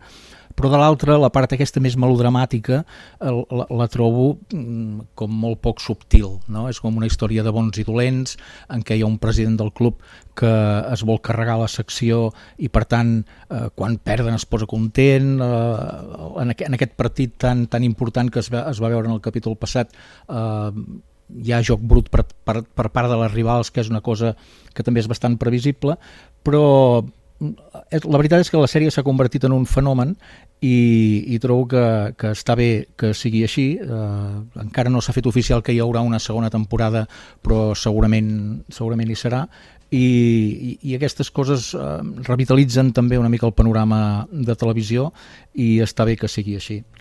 I per altra banda eh, l'altre dia hi va haver l'entrega dels Premis Butaca de Teatre i l'obra que va guanyar el Premi a la millor obra estrenada l'últim any a Catalunya va ser Àngels Amèrica, la, la versió del Teatre Lliure que va dirigir David Selves d'aquest clàssic dels anys 90 de Tony Kushner que mm, recordem que aquesta obra és la que va inaugurar el Teatre Nacional de Catalunya. A, a l'any 97, eh, dirigida per Josep Maria Flotats. Doncs aquest revival d'Àngels Amèrica va guanyar el Premi Butaca a la millor obra estrenada l'any passat, amb, amb polèmica que tampoc ens estendrem perquè David Selves va acabar declinant el premi perquè hi havia hagut protestes perquè un dels personatges que en l'obra original és negre l'interpretava un actor blanc eh, tot això se n'ha parlat molt però això també ens serveix per recordar que entre el catàleg de clàssics d'HBO, de, de la plataforma HBO de televisió, hi ha una eh, magnífica adaptació d'aquesta obra de teatre en format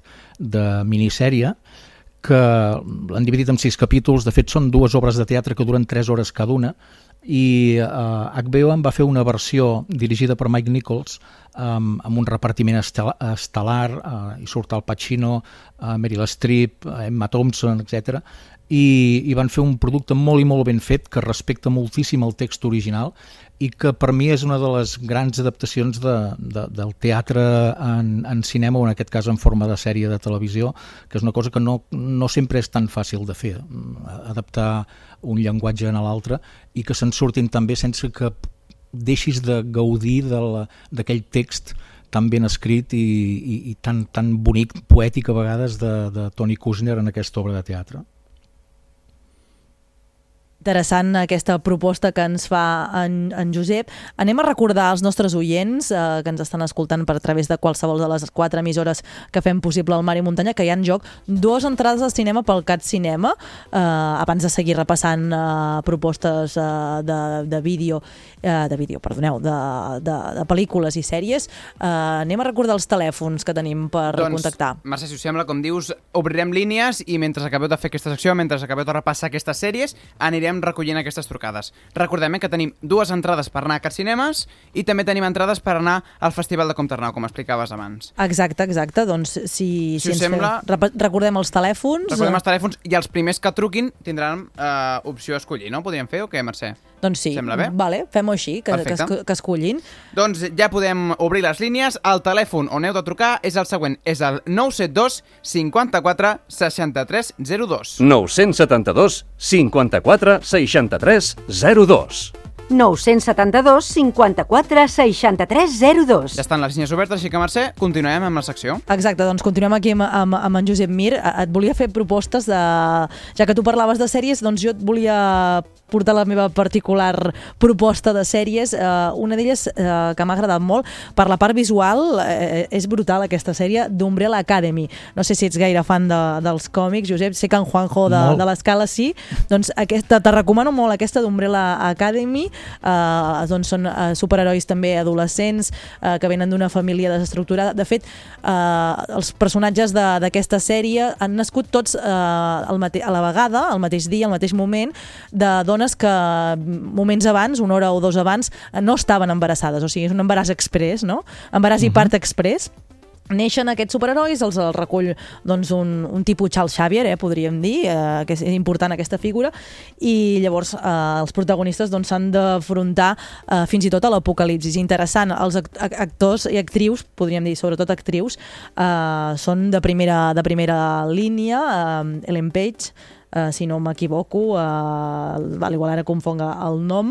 Uh, Sí, sí, Ellen Page. Eh, sí, ho dic bé, és que, Sí, sé, sí. sé, és que eh, sé que ell és protagonista d'un videojoc, va ser protagonista d'un videojoc i tenia el- el- l'element al videojoc. Doncs aquest Umbrella Academy jo, jo t'ho recomano molt eh, per la part visual. Eh? Eh, Hi, ha, hi ha moments molt grans de, de multipantalla, els personatges, eh, cada personatge en una habitació ba- ballant, per exemple, és un dels grans moments d'aquesta sèrie, aquest moment multipantalla, no? la, la mateixa pantalla, a diferents eh, frames, podríem dir, que, que, que a mi m'agrada molt. I en la mateixa línia us volia recomanar, et volia recomanar, Josep, i que dius que t'agraden els superherois, eh, aquesta, da- aquesta, la de Umbrella Academy és de Netflix, eh, et volia eh, recomanar una de superherois, però d'HBO, eh, de Runaways. Eh, també vindria a ser una mica una cosa així, a famílies desestructurades són uns joves eh, que descobreixen, enganxen els seus pares fent com un ritual tipus satànic, però no ben bé satànic, eh, doncs eh, aquest, aquest ritual s'enfaden i ells agafa, acaben marxant. Eh? Per això Runaways té dues temporades, està produïda per Hulu, eh, interessant, eh? aquesta sí que és de l'univers Marvel, eh, a diferència d'Umbrella Academy. Dos propostes de superherois. Uh, també de pel·lícules, eh, de producció de Netflix. Uh, volia, volia fer tres recomanacions. Dos que ja he vist i una que tinc pendent de veure, que si, si vols, Josep, si tu... La, la, no sé la ciència-ficció, què tal? També, també. També t'agrada? Doncs, uh, També, molt, Mira, ens sempre, posem el dia. deures, Josep, ens posem deures, tu i jo, si vols. Sí, sí, Va, sí, i després- eh, i després fem tertúlia. Exacte, exacte. Doncs I Am Mother, uh, de Netflix. La tinc pendent de veure, mm. de ciència-ficció. Una, és una, es tracta de la història d'un adolescent que està cria, ha estat criada per un droide després d'una extinció massiva de, de tot el món, però després descobreix que, que no és així. He, vist el tràiler i, i m'ha agradat molt. Si et sembla, uh, ens emplacem a un parell de setmanes o així per poder-la veure i la comentem, Josep. Sí, sí, sí, em sembla bé. Tenim guanyadors ja, i o guanyadores. Uh, si us sembla, anem a saludar els primers. Aquí, aquí tenim, Víctor. Doncs tenim la primera guanyadora, que és la Clàudia. Molt bon dia. Hola, bon dia. Enhorabona. què te- què te- què t'emportes o què esculls? Bueno, una entrada al cinema. Una entrada de que- cinema, perfecte. Des d'on truques? Des de Girona. Doncs enhorabona, que disfrutis molt des de Girona per aquesta- d'aqu- d'aquesta entrada del CAT Cinemes de, de Figueres. Uh, gràcies per escoltar el programa. A vosaltres per l'entrada. Nosaltres... Ja vaig trucar ahir, però no va haver sort amb la Cua Brava. Bueno, doncs avui ha sigut afortunada. S'ha sí, d'intentar, eh? s'ha d'escoltar el programa cada dia, que regalem moltes coses. Seguim endavant, eh, a veure si truca més gent eh, per, per aquesta entrada pel concert de, del petit de, de l'indi de, de, del festival de... De, De l'últim indi. Exacte, explica, explica, Guillem.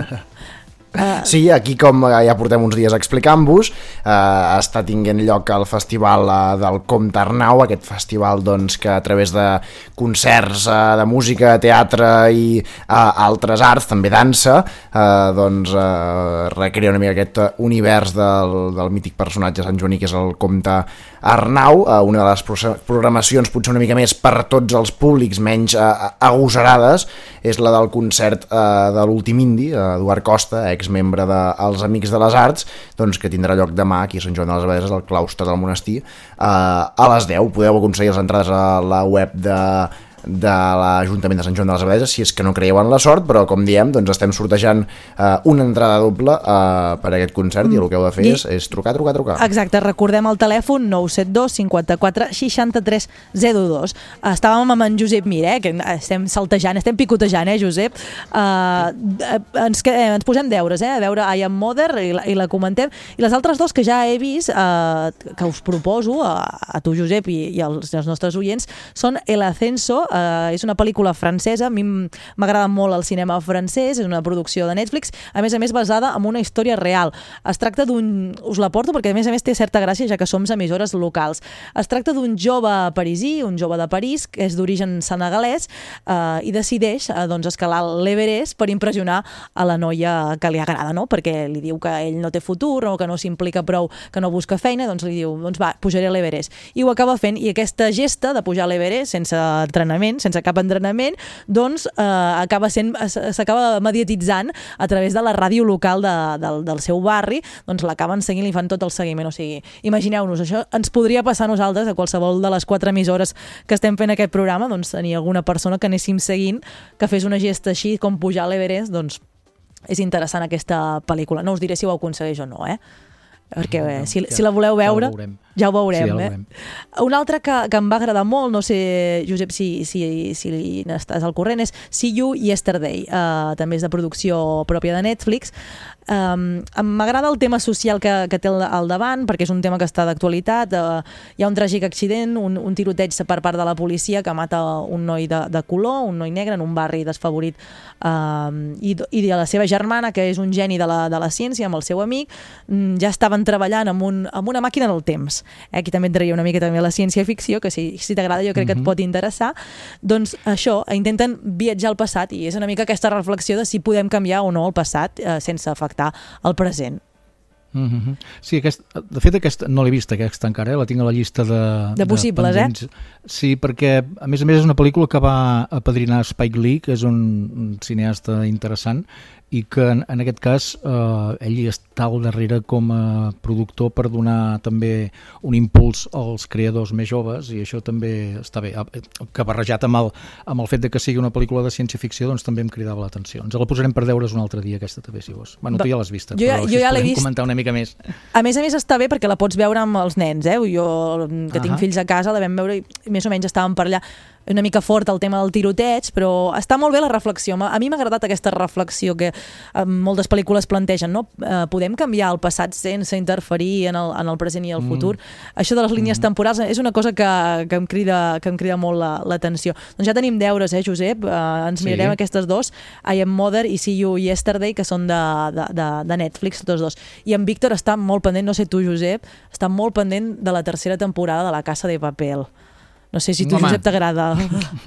No, no l'he vista, no l'he vista, la Casa de Paper. Aquesta, la, En Víctor la li encanta. Filla me la recomana constantment, però jo, els, els meus fills ja són majors d'edat, però és allò que el catàleg és tan ampli que no, no dones l'abast. Abans parlaves de Umbrella Academy i també la tinc a la llista de, de prioritàries, però és que últimament m'he posat al dia de Daredevil, de Jessica Jones, eh, parlant de superherois, no? Exacte. De Luke Cage, i, i clar, és, és tan i tan ampli el catàleg de coses interessants que al final el que et falta és temps, no? Però, però sí, la Casa de Papel ha estat també un fenomen i entenc que molta gent està pendent. Jo m'hauré de posar al dia i començar per la primera, que fa com A més- mitja cosa dir que no l'has vist. Josep, jo t'ho recomano perquè és una sèrie que et deixa una, molta intriga, està molt ben pensada i la, la, la trama és, és molt xula. Està No sé tot per on tiraran, eh, aquesta tercera A temporada. veure, a veure, a veure com fan. El que sí que nosaltres tirarem per, per recordar el telèfon als nostres oients eh, que, que truquin, perquè tenen en, en sorteig encara ens queda una entrada de cinema i l'entrada doble que ens comentava en Guillem per, per aquest concert. Eh, recordem, 972 54 63 02. Eh, truqueu, que encara ens queda, ens queda temps. Eh, alguna pel·lícula més per, per recomanar o sèrie? Comentaves que t'has posat el dia amb superherois, Josep?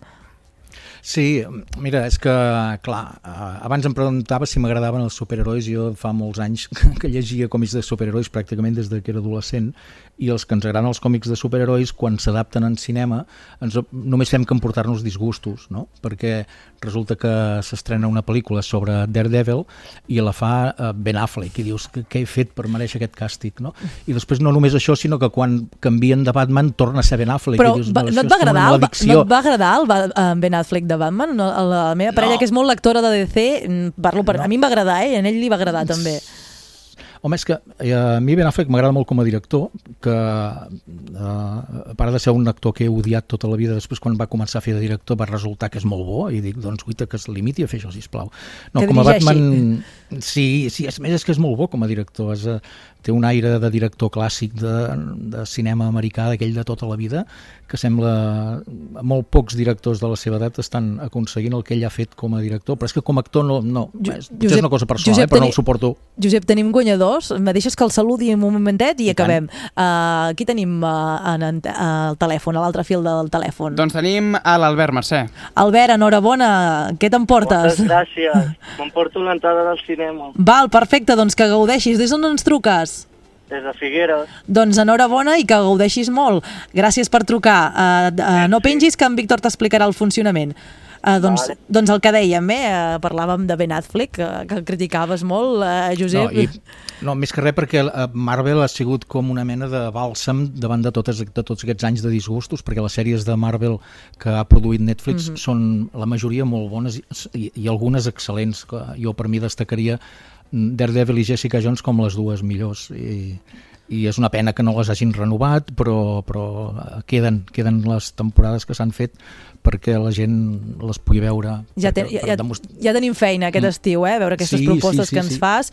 Uh, recordem els telèfons, que ens queda en res, dos minuts de, de programa. Dos minutets, Mercè. 972 54 63 02 per guanyar aquesta entrada doble uh, pel concert de l'últim indi del Festival uh, Comte Arnau de, les, de Sant Joan les Abadesses. Recordem, eh? 972 54 63 02. Josep uh, Mir, gràcies, ens acaba el temps. Gràcies per estar amb nosaltres un dijous més. Ens retrobem dijous que ve, a veure si hem pogut fer els deures. Molt bé, fins dijous, doncs. Doncs perfecte, doncs, si, si us sembla anem acomiadant els nostres companys. Eh, Guillem Planagumada, la veu de Sant Joan, gràcies per, per estar amb nosaltres. Ens escoltem demà a través de les zones radiofòniques, oi? Un plaer, com sempre, demà amb, amb bolo, amb sortida, no? Exacte, exacte. Uh, Juanjo de Ràdio L'Escala, uh, doncs moltes gràcies per estar amb nosaltres. Uh, ens, ens veiem demà a les cares, oi, Juanjo? I tant, i quines ganes de veure'ns ja.